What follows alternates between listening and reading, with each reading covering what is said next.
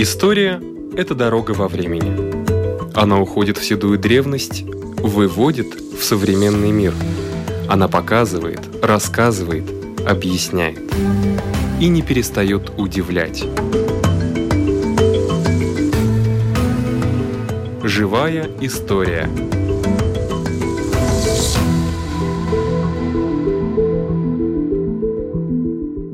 У микрофона Лидия Чера.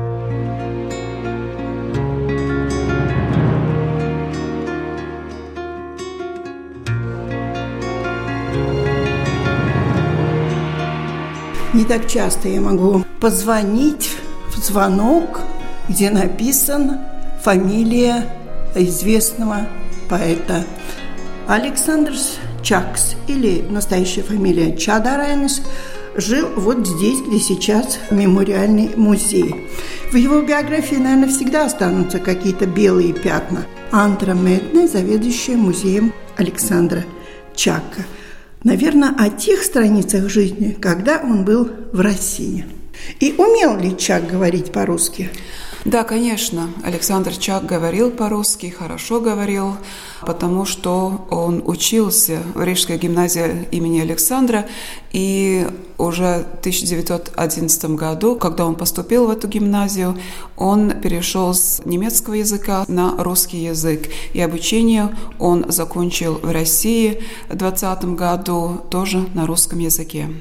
Я знаю, что вы ездили в Россию, в Пензу, Куда вы ездили? Где его следы? Да, в этом году весной я была в Саранск и в Пензу поехала. Я хотела узнать может, что-то найду еще. И когда перед поездом я еще общалась с своими коллегами в музеях Саранска и Пензы, они говорили, что в их музеях, фондов ничего, абсолютно ничего нету об Александре Чаке. Но мне удалось все-таки поехать в Россию, и дорога довольно длинная, и я могла подумать дороге, как так может быть, что нет ни одной весточки о нашем большом поэте, поскольку он там все-таки жил с 17 5 лет. И я вспомнила, что, конечно, в это время не было Александра Чака. Поэтому и нету ничего. Был Александр Чадарайнес. Да, искать и надо было его. Искать надо было Чадарайнеса, не Чака.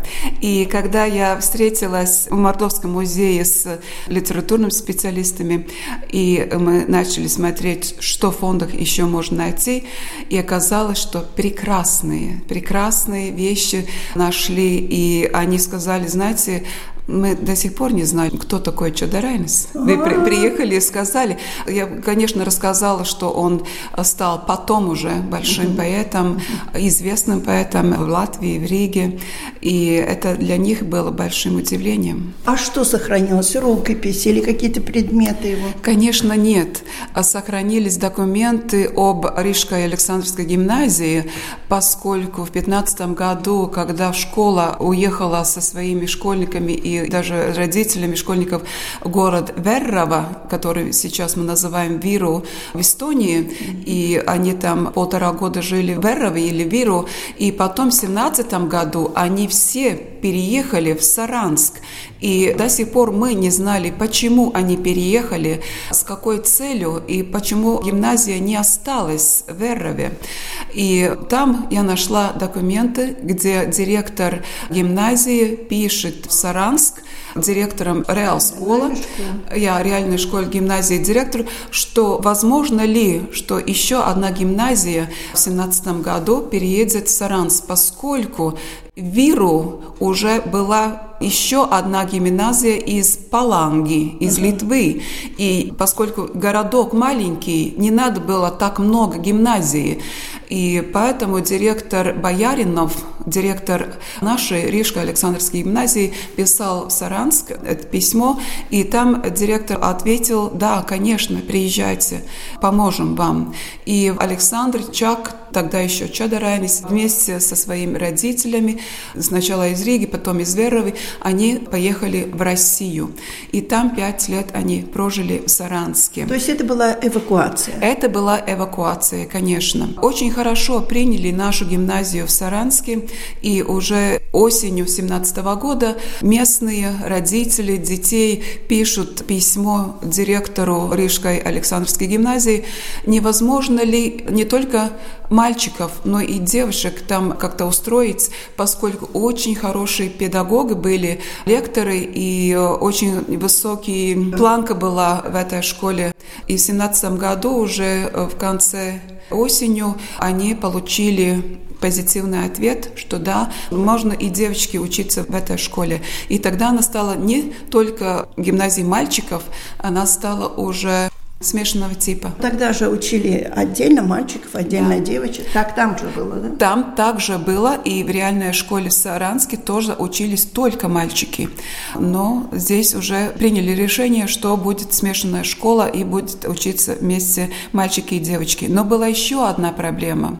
Очень много учеников, и дневное время утреннее время не всем было предоставлено классы, где учиться и приняли еще одно решение, что Рижская Александровская гимназия со своими классами будет учиться в вечерней школе. Угу. Это было очень трудно, поскольку это было время э, в Первой мировой войны, и не было электричества.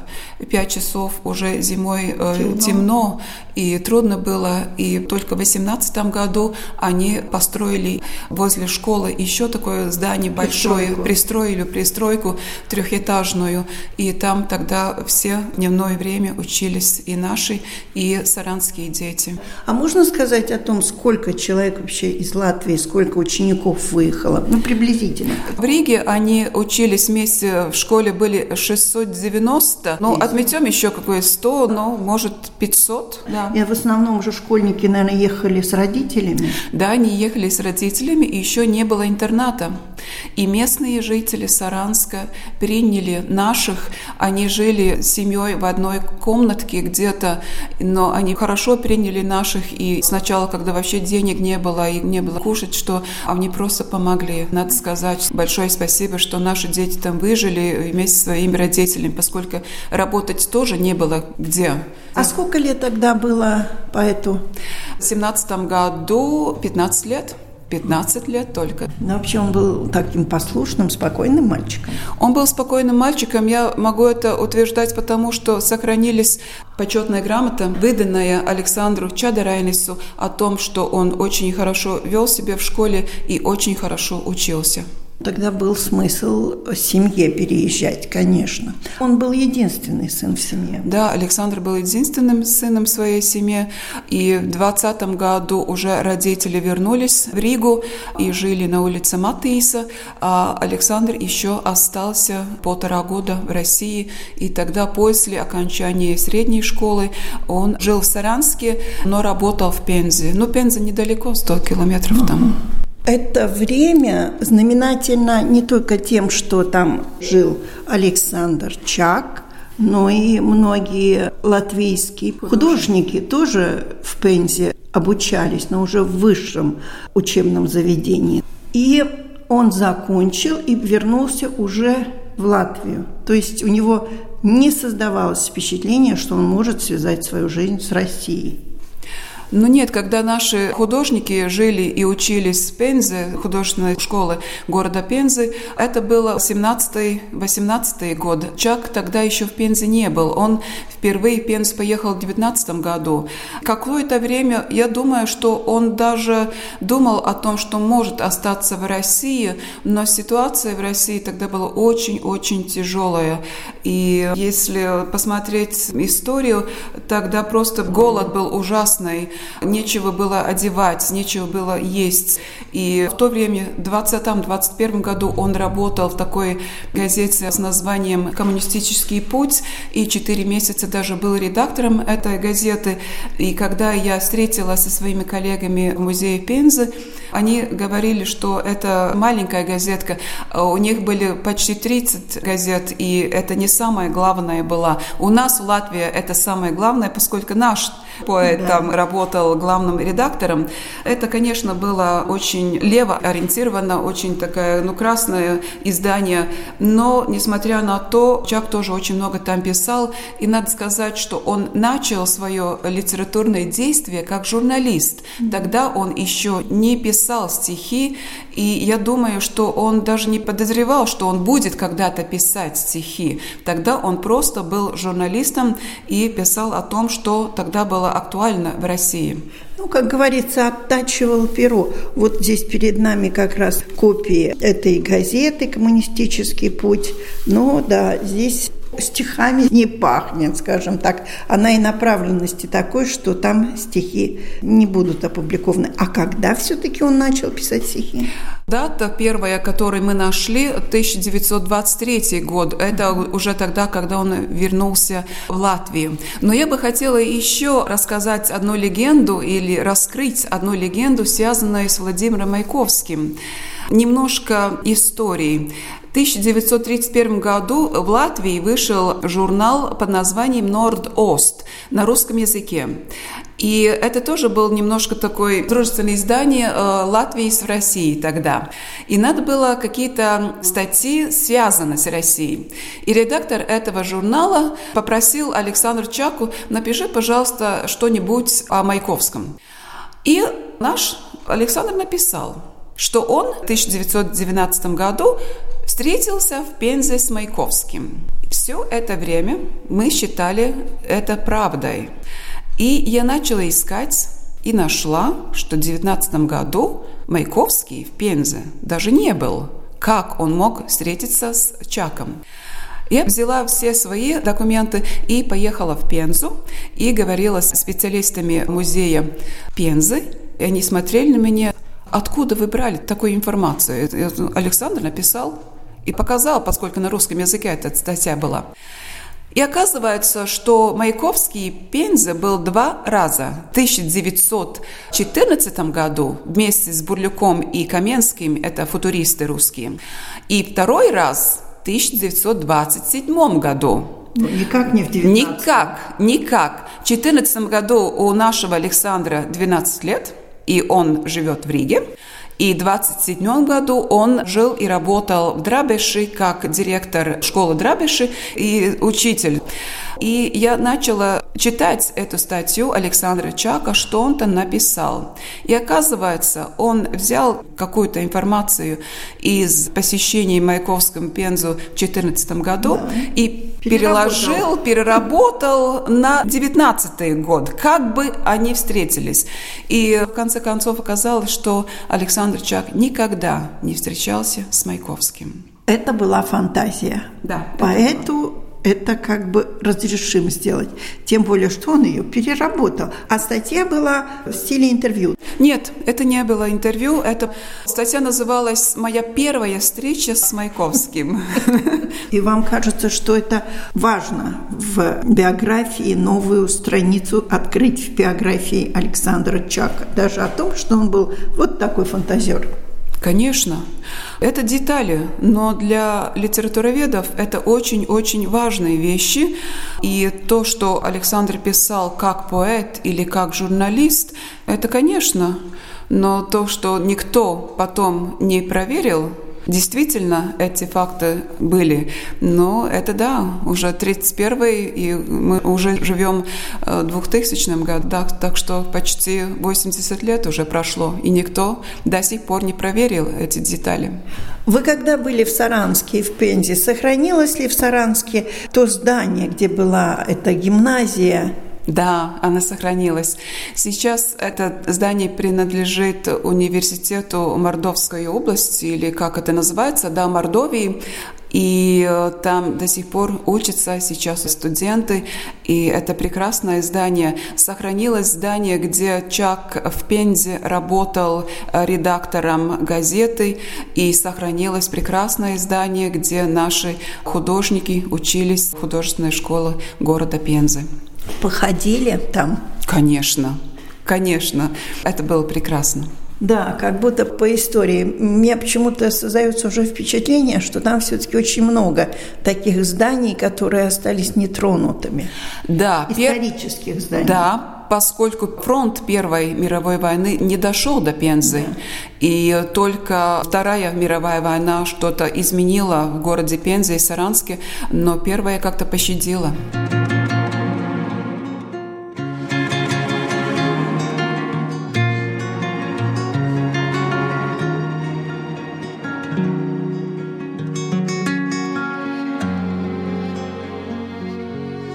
И все-таки хочется вернуться еще назад к истории с встречей с Маяковским. Почему все-таки абсолютно исключено, что Чак встречался с Маяковским? На это показывают документы все, и мои коллеги в музеях Пензы и музее Саранска. Поскольку Пенза был очень маленький провинциальный городок в то время, и когда Майковский, поэт номер один в то время, приехал в маленький городок, это был фурор. И каждый шаг его был записан и остался до сих пор, что он делал, с кем говорил, что он даже кушал. Все записано в истории Пензы. И один приезд, и другой приезд. И, насколько я знаю, он в 2014 году даже влюбился в одну девушку там, молодую. И в 27 году она уже была замужем за другого человека, но они все-таки встретились. И это была прекрасная любовь. И Майковский ей написал прекрасные стихи. Но с Чаком он не встречался. Да, я уверена и могу и уверить вас, что он с Чаком в Пензе не встречался. Я, когда исследовала биографию Александра Чака, он после 22 года в России был только один раз, и это было в 48 году. Ну, никак не получается. Да. Значит, в принципе, не всегда можно верить тому, что Чак писал такие вот интервью давал кому-то или кто у кого-то брал интервью. Но он же журналистом больше не работал, так что он уже не производил документальные очерки. Он работал журналистом после Второй мировой войны в таком издании, как э, «Циня», но он писал уже о культуре, о латвийской культуре. Но я думаю, что насчет легенды Александра Чака, ну это прекрасно, что остались эти легенды, и мы еще сейчас сегодня еще о них говорим. Спустя 80 да. лет. Да. Спасибо. У нашего микрофона была заведующая мемориальным музеем поэта Александра Чака Антра Медне.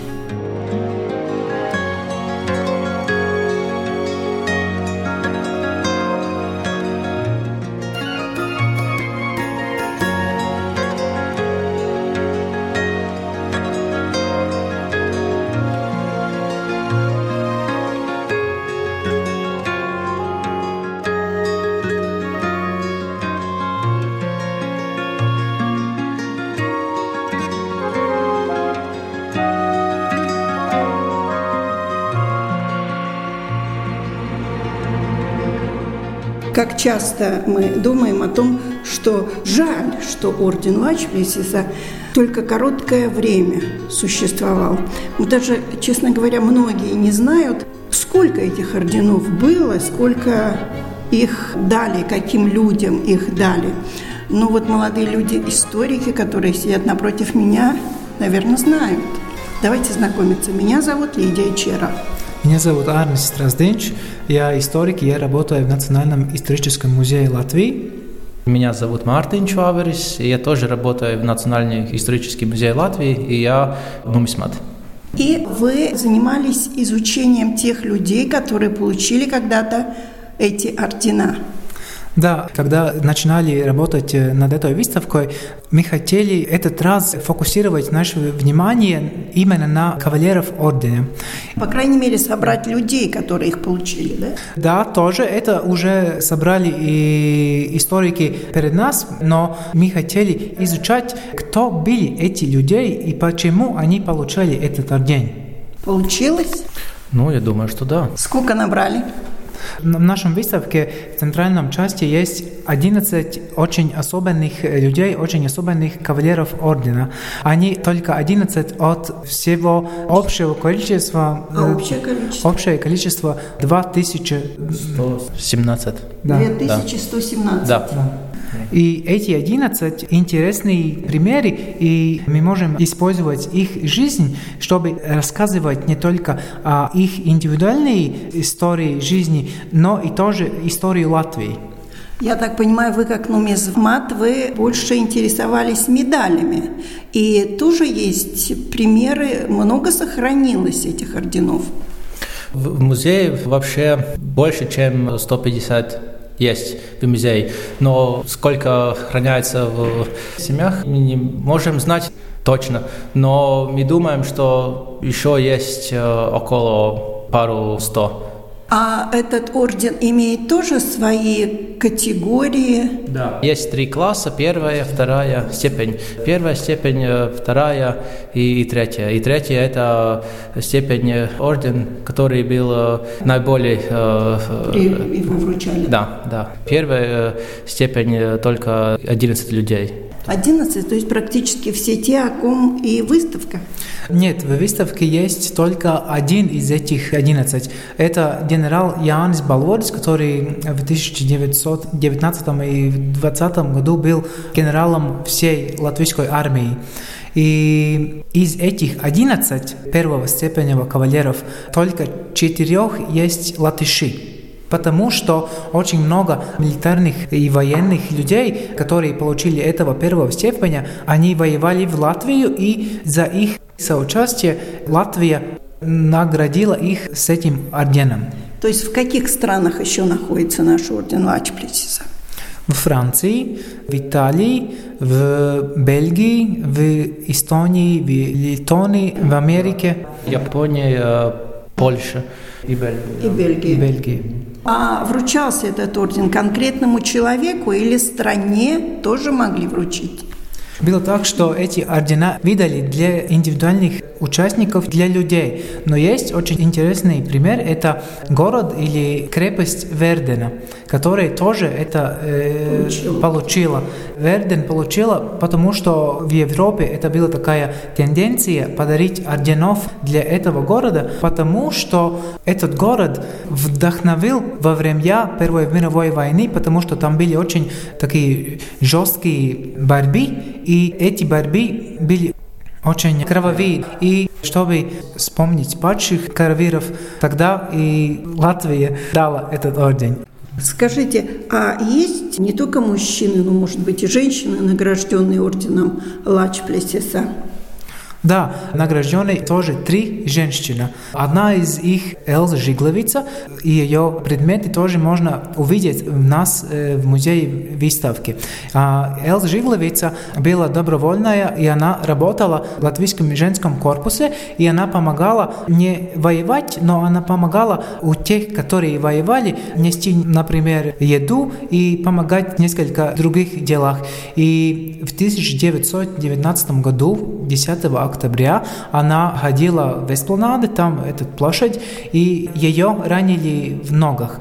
И 10 дней позже она умерла и получила свою награду посмертно, и как последний кавалер, она самая-самая последняя, которую наградят. Награ... А почему вдруг решили прекратить награждать орденом Лачплесиса? Ну, потому что Орденская дума э, решила, что все кавалеры, которые не кавалеры, но все э, да. Вообще они думали, что все кавалерии уже награждены. Дума, которая была самая главная институция, которая дала эти ордены, они решили, что этот милитарный орден и Латвия уже не воевает, а Латвия уже живет в мир, и поэтому они решили, что все, у которых надо было подарить этот орден, уже все награждены, и поэтому они решили, что в 1928 году больше не надо дать этот орден.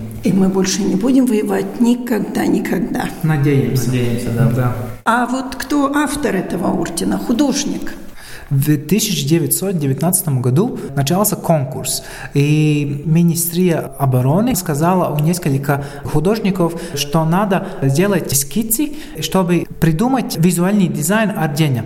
И в 1919 году начался этот конкурс, и в начале 1920 года Янис Александрович Либерts, один из художников, выиграл в таком смысле, что он был этот приглашенный человек, приглашенный художник, который apkopoja visus ordeņa skices, visus mākslinieku ну, как бы учел все эскизы, которые были, да. и выбрал из этого все самое лучшее, так? Да, он выбрал самое лучшее из, из всех скицей, и можно сказать, что он автор последнего варианта. И сейчас мы можем говорить, что он автор визуального дизайна ордена Ласплесиса. Ну вот, господин Умизбаб, как вы считаете, он правда один из самых красивых? Я думаю, что да потому что э, все краски, которые есть в этот орден и лента, тоже он такой, э, который очень хорошо выглядит на... На, на пиджаке? Да, на пиджаке. На одежде? Да, на одежде, но он, он такой, который можно несколько раз смотреть, смотреть, и он у нас никогда не будут Двух одинаковых ордена. Yeah. Потому... Даже двух одинаковых не будет? Вот это интересно в том смысле, что были несколько художников, которые рисовали этот центральный герб, а, эмблему. Как, да. Ну да, эмблема, которая в самом внутри, да? Да, да. И поэтому там есть несколько интерпретаций этого лачпласиса и этого медведя. Есть ордена, где можно увидеть, что медведь почти уже спит на полу, есть всякие... Где борется. Да, где борется. Так что есть очень много интерпретаций этого сюжета. Так неизвестно, сколько интерпретаций. То есть их может быть... Более чем 5-6. Более чем да, 5-6. Да, очень много. Потому что, как Арни сказал, все эти эмблемы были нарисованы с руки. Все. И потому есть вариации от этого эмблема. Но сохраняется он хорошо, он э, не выгорает. Вот в музее, я понимаю, он будет храниться в определенных условиях. А вот в семье, например, если он хранится, он поменяет свой цвет, краска да, выцветит. Да, лента, это, лента да, это очень э, выгорает. выгорает. Да. Если есть очень много цвета, он Но сохраняет. Надо сказать тоже, что если есть семья, которая хранит этот орден, тогда самое главное положить этот орден в очень сухом месте, чтобы он не начинал ржаветь. ржавать. Да. Ржавчина может испортить орден. Да, да. Но надеюсь, что все, кто имеет эти ордена, должны понимать, что это большая реликвия. Это очень большая реликвия, и этот орден очень редкий. Вы никогда не ходили, например, ну, есть барахолки там где-нибудь, никогда ничего подобного не видели? Ну, я нет. Я думаю, что Арнеш тоже. Я тоже не видел, но то, что мы несколько раз видели, и это, что в интернете есть эти исольнамы, которые продают.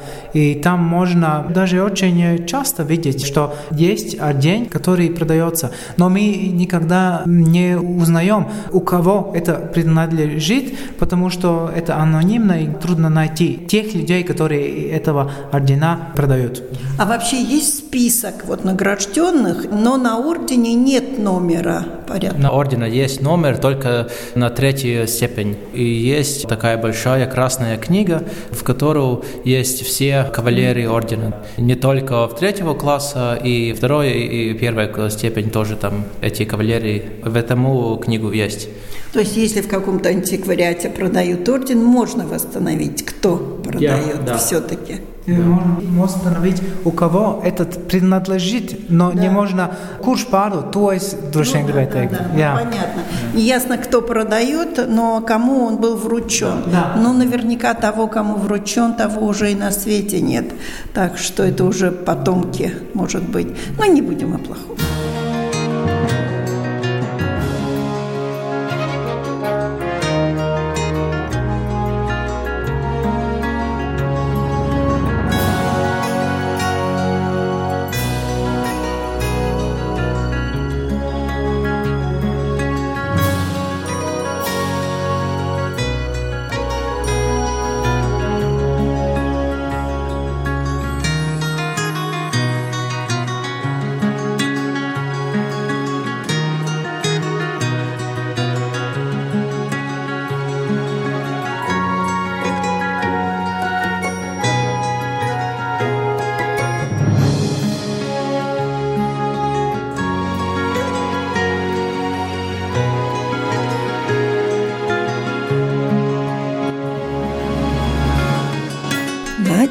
Наша программа заканчивается. Всего вам доброго.